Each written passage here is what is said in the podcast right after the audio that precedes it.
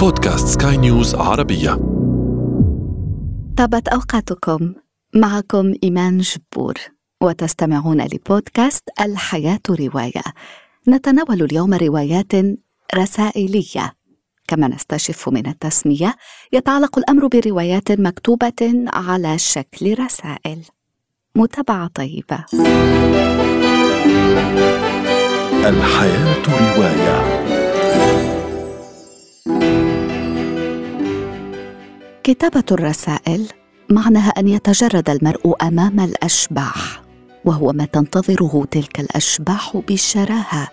القبلات المكتوبة لا تبلغ غايتها ذلك أن الأشباح تشربها في الطريق. أقتبس عن فرانس كافكا وأقرأ لكم من أروع رسائل الأدب. الرسالة هي صورة الروح كما نقرأ في هذه الرواية. الروايات الرسائلية تمنحنا ذلك الانطباع بالمعرفة الحميمة بالشخصيات. في هذه الرواية سنقرأ 175 رسالة. رواية علاقات خطرة لبيير شوديرلو دو لاكلو واحدة من كلاسيكيات الأدب الفرنسي. لعبة شطرنج ساخنة. بيادقها بشر. ضرباتها الرسائل التي يتبادلها اللاعبان ونهايتها عار أو موت. نحن في القرن الثامن عشر. يبدأ كل شيء عندما تضمر ماركيزة ميرتوي الانتقام من أحد عشاقها السابقين الذي ينوي الزواج. فتطلب من الفيكونت دو فالمون إغواء الشابة قبل الزفاف. بدافع الإباء والأنفة تنسى الماركيزة والفيكونت أنهما كانا يعبثان بمشاعر ومصائر أناس وأن لعبتهم ستعود بعواقب وخيمة على بيادقهم I'm so bored, you see. It's beyond my control. What do you mean? Well, after all, it's been four months. So what I said, it's beyond my control. Do you mean you don't love me anymore? نقرأ في الرواية العار الذي يسببه الحب مثل وجعه. نشعر به مرة واحدة فقط. لكن تبقى المتعة قائمة وهذا شيء جيد. من رسالة تبدأ قصة ربطت قدر امرأتين. The Letter لكاثرين هيوز. قصة امرأة من سبعينيات القرن الماضي تتقاطع مع قصة أخرى من الأربعينيات قصة حب وفقدان وعواقب غير متوقعة. تينا امرأة معنفة متزوجة من مدمن كحول. في أحد الأيام تعثر في متجر خيري حيث تشتغل بائعة متطوعة تعثر على رسالة قديمة. مختومه في ظرف مقفل. لا تقاوم فضولها وتفتح الظرف. رسالة محب لمحبوبته.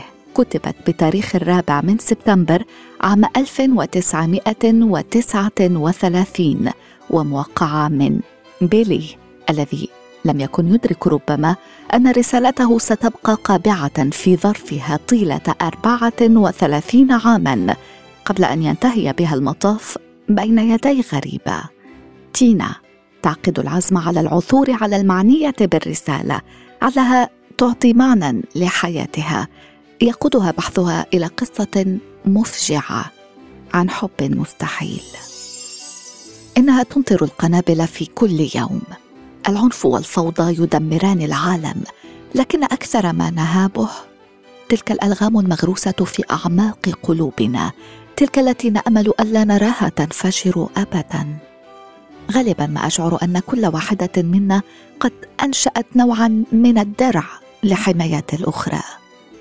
أقرأ لكم من رسالة بين آيوا وماساتشوستس بين 1943 و 1946 بين ريتا وغلوري جلوري التي تتخبط في وحدة وملل قاتلين منذ التحاق زوجها بقوات الحلفاء للقتال في أوروبا.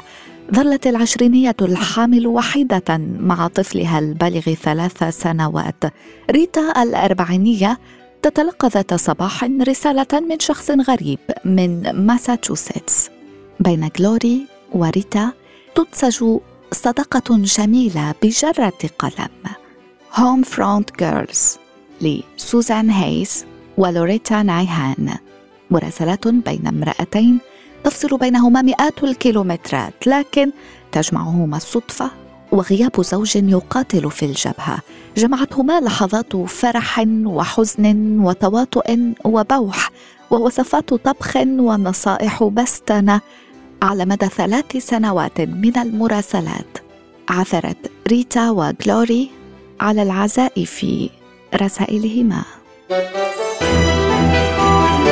الحياة رواية. وأشكركم على طيب إصغائكم. لقاؤنا يتجدد في عدد مقبل.